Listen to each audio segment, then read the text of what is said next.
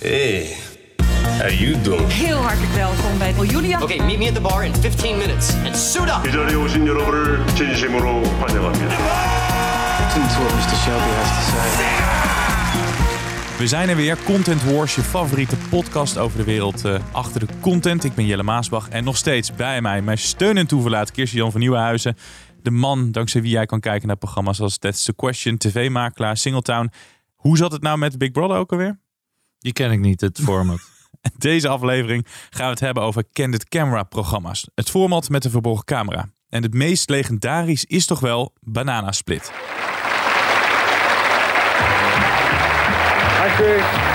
Goedenavond, beste vrienden. Welkom in ons midden. Heel prettig u weer te ontmoeten via deze camera en die andere natuurlijk, die. Maar die komt zo aan de beurt. Je hoort het misschien al, dat is een tijdje geleden. Je had in ons land toen bij de NPO Ralf Inbar, later opgevolgd door Frans Bauer. En bij de commerciële was het Wendy van Dijk. En daarna werd het een tijdje stil. Maar het principe is terug. En ja, Kirsten Jan, jij hebt het ergens gezien. En daarom wilde jij het ineens toch over die verborgen camera hebben. Ja, nou ja, Candid is natuurlijk een hele specifiek genre binnen de tv-wereld. Ehm, en een heel moeilijk genre. Dat is een van de redenen waarom eh, er weinig Candid-programma's meer zijn. Maar het was altijd razend populair. Banana Ja. Split is natuurlijk legendarisch. In Amerika had je eh, This is uh, Candid America. Dus eh, you're, on the, you're on the Candid, zeiden ze dan altijd. Hè. De- later bij MTV was redelijk populair Punked. Ja. Met Ashton Kutcher. Ashton Kutcher, ja. En de laatste in Nederland was bij, bij Talpa met Wie het laatst lacht met Wendy. Ja. En daarna was het, is het al een tijdje stil. Eh, nu doen ze bij de Big Show doen ze een soort van Candid.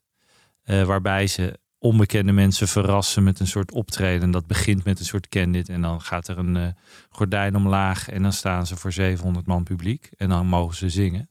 En toen dacht jij, hey, het principe komt weer een beetje Toen terug. dacht ik, ja, ik had eerlijk gezegd gehoopt dat het iets meer zou zijn dan dat. Omdat ik, ik ben ook een fan van Candids. En ehm, sterker nog, ik heb er ooit zelf eh, in eentje meegespeeld toen ik nog voor Animal werkte. Daar zal ik later wel even over vertellen. Eh, want dat liep helemaal fout. Ehm, en dat geeft ook meteen aan hoe moeilijk Candids zijn. Ehm, in Nederland hadden wij eh, best wel lang een, een expert daarin, David Lipschitz. Eh, die is helaas ons ontvallen een jaar geleden, meen ik. En die was de absolute expert in hoe je candidates maakt. Maar de reden waarom candidates zo moeilijk zijn ehm, en daardoor heel kostbaar, is omdat je als maker met alle factoren rekening moet houden. En dat gaat dus heel vaak mis. Dus op het moment dat je iemand rijdt in een auto en je bent die candidate aan het draaien, eh, dan hoop je dat die, heb je alles ingesteld dat hij ergens naar rechts gaat. En daar gaat het verhaal verder. En dan blijkt hij plotseling naar links te rijden. Nou, dat paniek natuurlijk. Dat zijn maar een paar kleine dingen. Maar daarnaast zitten candidates natuurlijk vol met acteurs. Eh, die ook goed moeten spelen. Je bent afhankelijk van de reactie van de hoofdpersoon. Of die wel echt leuk is. Sommige mensen slaan dicht. Dan heb je al Dan heb je niks. Dan heb je niks eigenlijk. Dus eh, daarnaast moet je ook nog alles verborgen draaien. Wat ook moeilijk is. Geluid is lastig. Hè? Waar, waar hang je in het geluid? Je kan zo iemand niet een, eh, een, een microfoontje meegeven. Dus het is, er komen allerlei dingen bij kijken die kijkers aanvankelijk niet doorhebben dat dat het zo moeilijk maakt. En dat is een van de redenen waarom, eh, waarom er zo weinig kennetprogramma's meer zijn in Nederland. In andere landen zijn die nog wel. In Amerika blijven ze eigenlijk wel populair. Omdat daar gewoon grotere budgetten zijn. Geld is dus een van de grootste redenen. Geld is een van de grootste redenen. Maar ook eh, iemand die echt goed weet hoe je, hoe je candidates maakt. Eh, daarnaast komt er ook nog creatief gezien veel bij kijken. Want je moet ook iets leuks verzinnen als, eh, als, als creatieve. Van wat kunnen we met iemand uithalen? Ja. Dus dat maakt, het, eh, dat, dat maakt het echt lastig. Ben ik wel heel benieuwd wat dan datgene was wat jij deed en wat niet helemaal goed ging. Ja, nou ja, dat, dat, dat- eh, wil je dat ik hem nu al vertel? Of gaan we ja, eerst... doe maar. eh, doe maar. eh, Ja. Nou, wij, er was een jaar geleden, ik meen jaren 90 en begin twee, nee, jaren 90 was er een best wel een beroemd kennetprogramma. Dat heette Booby Trap met Gijs Staverman. Waarbij jij iemand anders kon opne- eh, opgeven en die, zou, die werd dan eigenlijk in de val gelokt. En er was een jongen en die was opgegeven door zijn baas. Hij was bloemenbezorger. Ehm, en die ging een boeket bezorgen bij een, eh, een beetje een eng huis ergens eh, eh, in de bossen. En die komt dat huis binnen en wij hadden, eigenlijk was dit een soort One Flew over de koekoesnest. Daar was het op gebaseerd.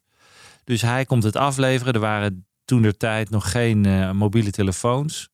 En hij loopt binnen en hij beseft dat hij in een gekhuis terecht is gekomen. Er lopen er allemaal mensen rond die een beetje raar doen. Ik was eh, de Indiaan met een bezem. Ik was daar aan het bezemen. En ik liet hem op een gegeven moment ook heel erg schrikken, want hij moest wachten met zijn boeket. En op een gegeven moment werd hij een kamer ingevraagd om dat boeket af te leveren. En hij gaat zitten. eh, en er, er gaat meteen een bewaker voor de uitgang staan. Dat, dat, dat hadden wij van tevoren bedacht, van dat hij niet weg kan komen. Uit, eh, en dat hij in die kamer, die kamer was helemaal gerikt, overal microfoontjes en camera's. Eh, en na een minuut of twee, hij zat te wachten en eh, je merkt dat hij al heel nerveus was, want hij had door van waar ben ik in godsnaam beland. En toen kwam er een man in een witte jas binnenlopen en die ging zitten en die zei, nou eh, Kees, eh, vertel eens, wat kom, eh, hoe gaat het vandaag? Ja, eh, prima meneer, maar eh, ik kom een, eh, een boeketje afleveren. Waar kunt u even tekenen? Oh, je komt een boeketje afleveren vandaag. Maar gaat het verder wel goed met je dan? Eh, ja, maar kunt u even tekenen? Want ik moet weer door.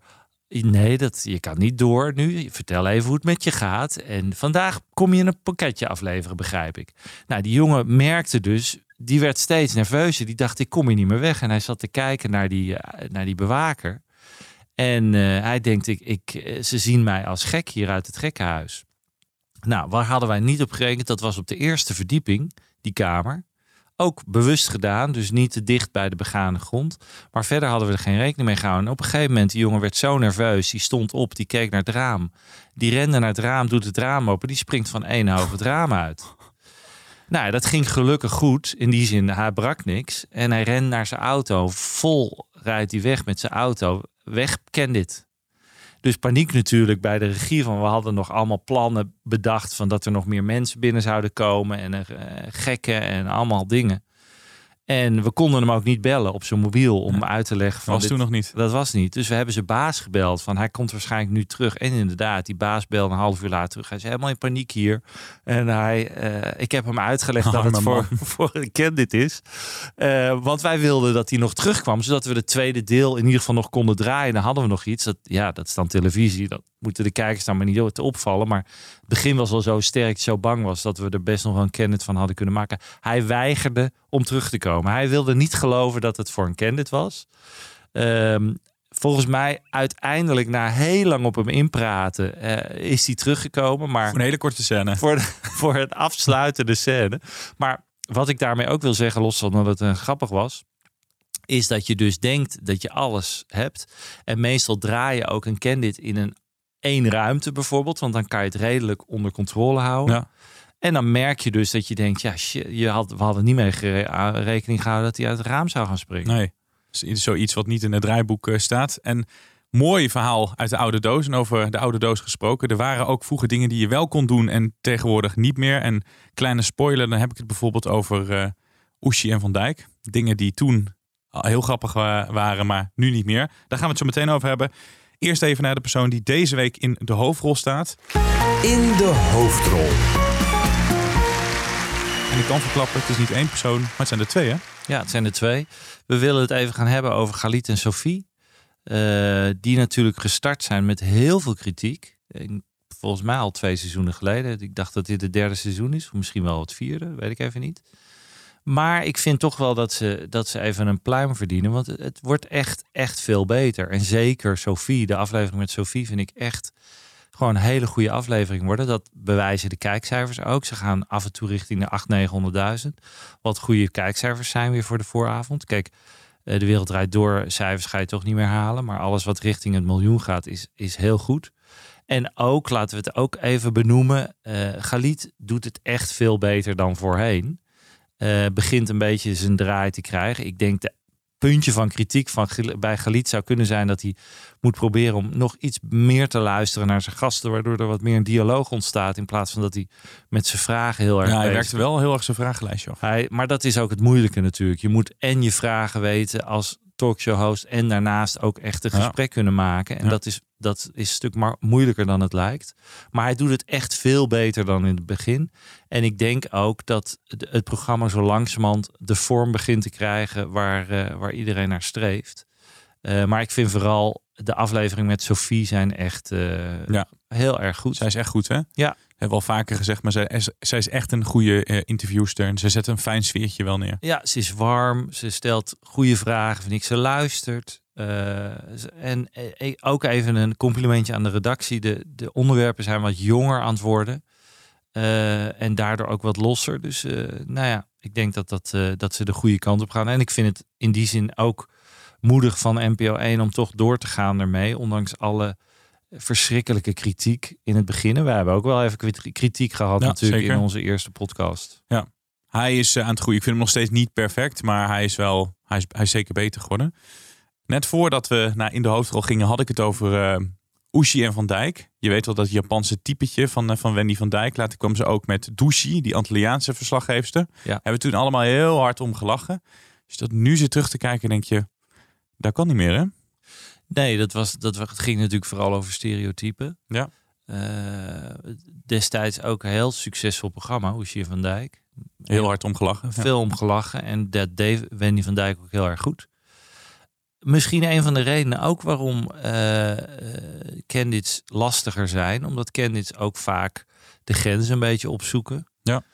Toch proberen om, om iets te doen met, met in die zin met stereotypen. En eh, ook kijken of kunnen we grapjes maken over, eh, over mensen, over types. Eh, en dat is tegenwoordig natuurlijk alweer een stuk lastiger.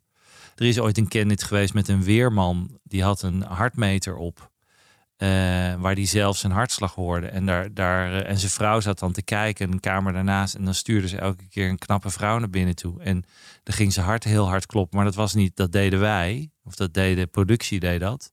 En hij hoorde dat en hij vond het zo gênant dat hij zogenaamd steeds opgewonden raakte. Terwijl zijn vrouw zat te kijken. Ehm, en hij probeerde maar rustig te blijven. Je zag ook echt dat hij dacht van ik moet rustig blijven, ik moet rustig blijven. En dat was best wel hilarisch. Maar ook dat was natuurlijk heel erg seksistisch in die zin. Ja. Eh, maar ja, ja, ik blijf erbij. Ik vind dat het nog steeds moet kunnen. Dat soort grappen en eh, grollen. Eh, Ja, je kan misschien geen grappen meer maken over, over minderheden. Maar de harde grap, die zou wel leuk zijn. Alleen ook in de huidige tijdsgeest kan dat ook minder. Ja. Dus is de vraag, wat is dan de toekomst van, van Candid? Nou ja, zeker ook met de teruglopende budgetten wordt dat steeds moeilijker. Want ook de Candid in de Big Show, waar dit een beetje de aanleiding van was, is best wel een dure item. Eh, ook daar zitten weer acteurs. Daar wordt elke keer de studio opnieuw ingericht. Eh, en allerlei ideeën hoe ze daar die, die, eh, die onbekende mensen naar binnen moeten lokken.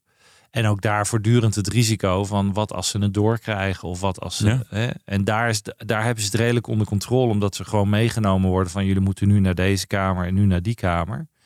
Maar dat, dat maakt een candid ook minder leuk. Want een candid is toch het leukst als je elke keer een ander verhaal met een andere locatie hebben, hebt. Ehm, er zijn heel vaak candidates geweest waar mensen op een boot werden gezet, bijvoorbeeld. Of eh, wel in een redelijk gecontroleerde ruimte, maar toch dat het elke keer wel weer een andere locatie was. Ik weet dat er ooit een candidate geweest, maar iemand een boot huurde en daar zat dan heel veel kook in verstopt. En er kwam een politie. eh, eh, overval. eh, en dan werd hij met 10 kilo kook gepakt. Nou ja, dat was natuurlijk ook eh, allemaal leuke grappen om uit te halen waar mensen volledig in paniek raken.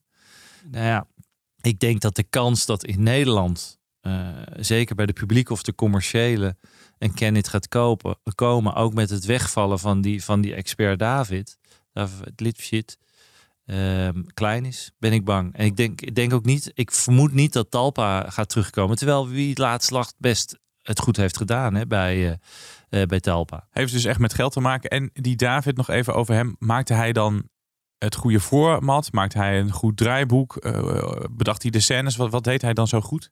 Eigenlijk was hij op alle vlakken wel goed. Hij kon creatief meedenken, maar hij had vooral heel veel ervaring. Eigenlijk jarenlange ervaring met wat werkt niet en wat werkt wel. En waar moet je rekening mee houden. Dus waar zitten de risico's? Mhm. Ehm, hoe kan je het technisch goed draaien? Hoe kan je werken met richtmicrofonen, waardoor je iemand niet hoeft te zenderen?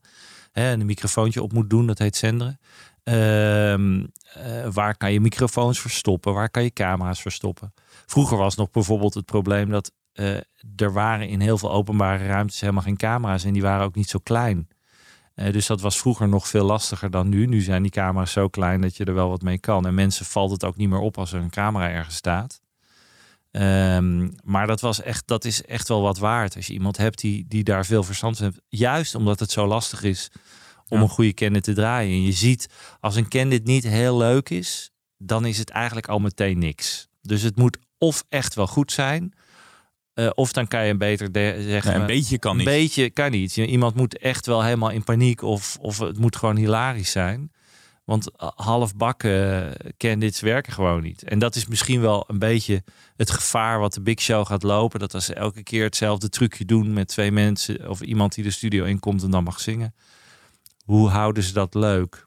Eh, dat wordt wel een uitdaging voor ze. eh, zeker voor bijvoorbeeld seizoen 2. Nu is het nog een onderdeel van een programma, maar hoop je dat het uiteindelijk ook echt terugkomt als een op zichzelf staand format?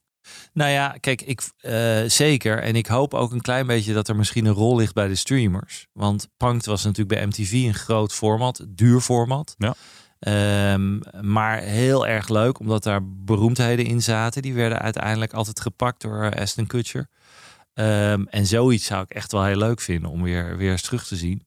In Nederland werd bij Banana Split natuurlijk ook. En ook bij Wie het laatst lacht werd ook altijd BN'ers eh, gepakt. Maar in Amerika is het natuurlijk wel extra leuk als het grote sterren zijn. En die candidates daar werden ook wel flink uitgepakt. Dus daar eh, goede acteurs erbij, veel special effects. Het ging helemaal los daar en dat is wel heel leuk. Dus dan zou je zeggen een oproep aan Netflix, Disney Plus misschien wat minder, omdat het meer op, dan wordt het een wat familieachtiger. Ja, ik denk eerlijk gezegd dat je... Kijk, over het algemeen zou je... Denk ik wel dat, eh, dat candidates een redelijk jong publiek raken. Dus die vinden dat leuk. Ja. Dus in die zin zou je... Voor veel streamers kan het echt wel interessant zijn... om een goede, goede eh, nieuwe candidate programma te maken. Ehm, dus in die, zi- in die zin wel een oproep naar streamers. Van jongens, ga daar eens naar kijken. Van of toch niet, weer niet iets spraakmakends. De grap is ook het leuke van candidates. Als je een wat kortere candidate hebt, kan die ook heel goed viral gaan.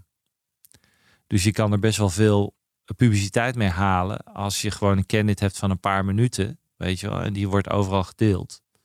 Dan is dat ook weer reclame voor zo'n zender. Dus in die zin, ja, ik... eh, Doe wat, help Kirstian aan een leuk nieuw programma. Hè? een leuke ken, leuk programma is echt wel een genre. Kijk, iedereen klaagt op het moment dat we zoveel talkshows hebben op de buis en het allemaal hetzelfde is. Nou ja, dit is een genre waar wat we al een tijd niet meer gezien hebben. Laten we eens kijken of daar toch weer animo voor, eh, voor kan zijn. En laatste vraag, wie zou jij met een verborgen camera voor de grap willen houden? Nou ja, er zijn legio mensen die natuurlijk nu waar, die een beetje kritisch benaderd worden door alle juice-kanalen. Die, dan is het ook altijd leuk als die even flink gepakt worden. Jij toch? wil Yvonne Kolderweijer wil jij terugpakken met een verborgen camera. Nou ja, goed. Of ik, ik Glennis Grace ergens in de supermarkt. Ja, maar als dat niet goed gaat, dan mapt je eh, die tent uit. Ja, eh. maar daar gaan wel met ze kijken, denk ik. dat toch? denk ik wel, ja. En dan doe je allemaal MMA'ers om haar heen. dat als ze begint, dat, dat ze gewoon die hele, die hele supermarkt Nee, doorheen wordt, nee. wordt gegooid.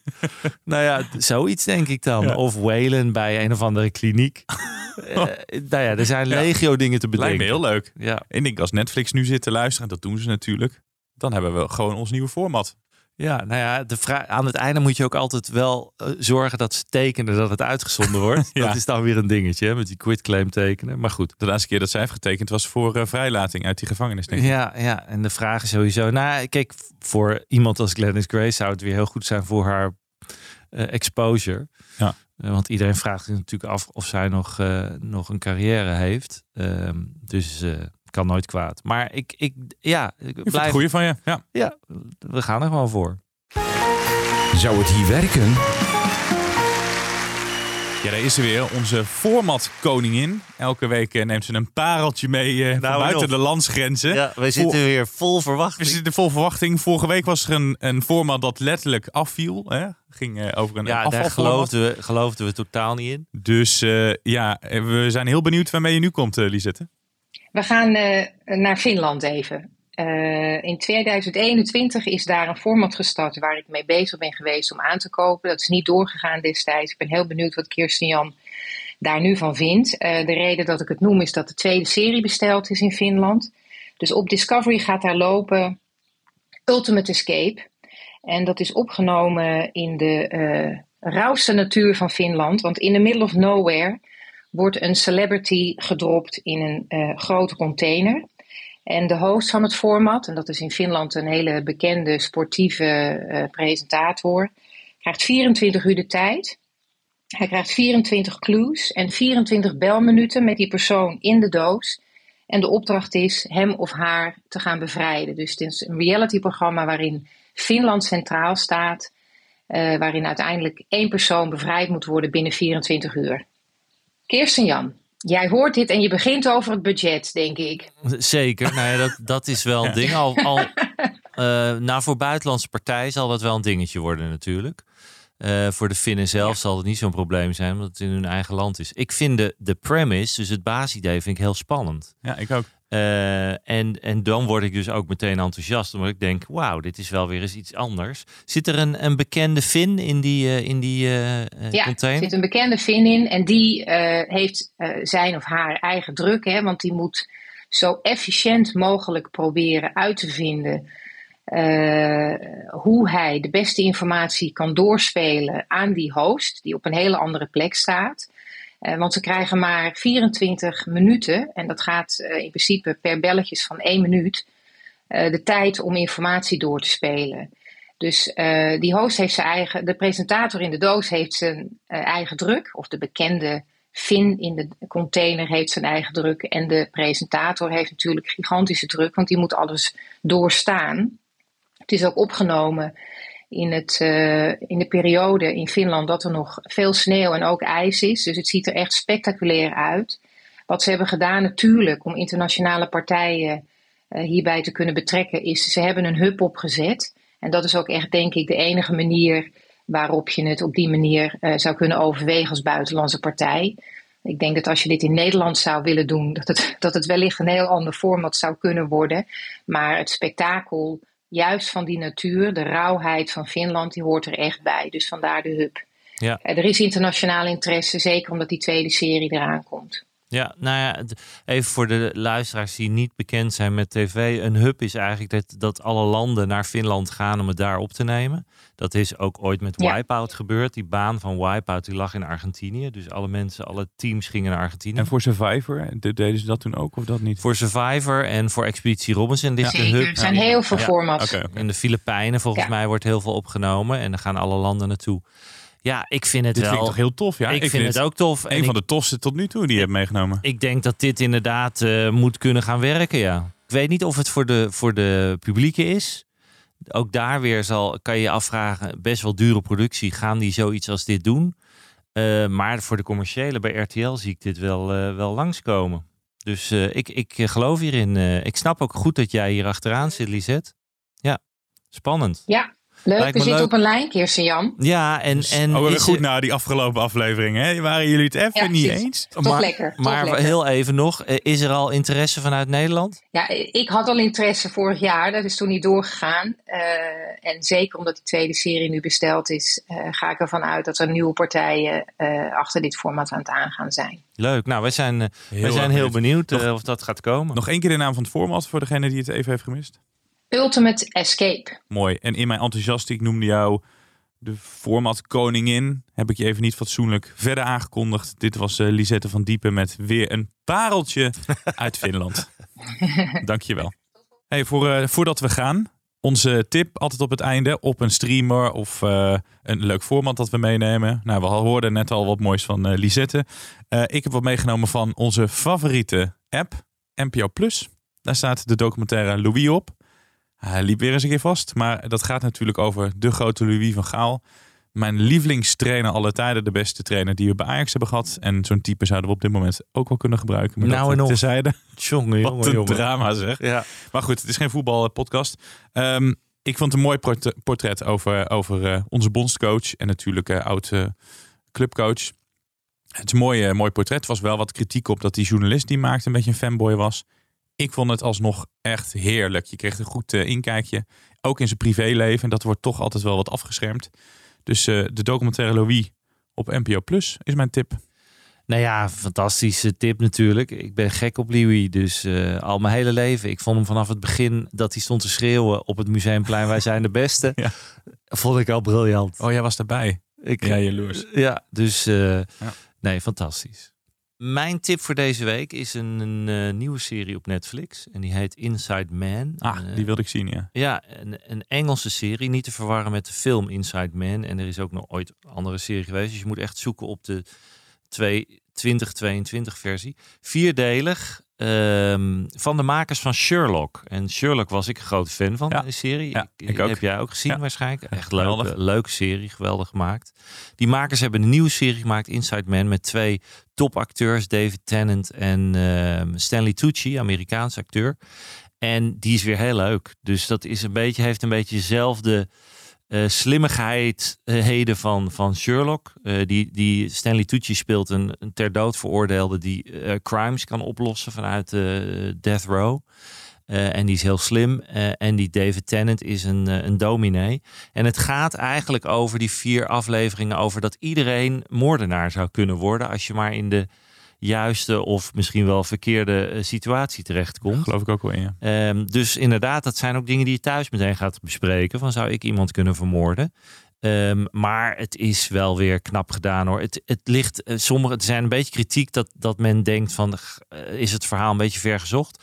Maar het is weer zo goed gemaakt. ja die David Tennant is ook gewoon een gi- gigantisch goede een hele acteur. goede acteur. En het is weer Engelse kwaliteit. Dus je kan het toch vaak BBC-spullen kan je eigenlijk gewoon blind kijken. Ja. Eh, blind kijken wordt lastig. Maar ehm, over het algemeen is het altijd goed. En dit is ook weer. Het is jammer dat het maar vier afleveringen is. Het is gewoon echt heel leuk. Op Netflix dus. Vanaf eh, nu Inside Man. Goeie tip. Ja, ik eh, zag Inside Man en The Watcher ongeveer tegelijk op Netflix komen. En toen zei iemand, nou als je moet kiezen, gelijk blind voor Inside Man kiezen. Want The Watcher heeft echt een beroerd einde. Dus Absoluut. bij deze. Dus Inside Man, Netflix. Ja. Ja, tot volgende week. Dit was hem, eh, de aflevering over de verborgen camera. Volgende week dan zit hier weer een gast. We hadden vorige week Simon de Waal. En dan denk je, kan het nog beter? Kan het nog leuker? Jazeker. Dan komt de kijkcijferkoningin van Nederland over de vloer. Tina Nijkamp, oud SBS-baas. En iemand die nog meer op Mediacourant staat dan jij.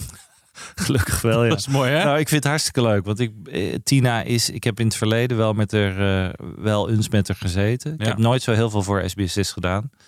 Maar zij heeft natuurlijk nog de glorietijd van SBS6 eh, meegemaakt. En er was daar mede verantwoordelijk voor. Laten we de, die Credits credits, voor geven. geven. Want eh, toen was SBS6 echt een serieuze concurrent aan het worden van RTL. En die tijden zijn al eh, lang niet meer. Nou, dat is eh, precies wat je zegt. We gaan het hebben over die gloriedagen van SBS. Over haar werk nu als mediaconsultant. En dat ja, uit de hand gelopen hobby dat zij kijkcijfers deelt op Instagram. En dat nu elke dag meer dan 20.000 mensen haar updates volgen. Dus leuk om het eh, met haar daar volgende week eh, over te hebben. Zeker. Tot dan.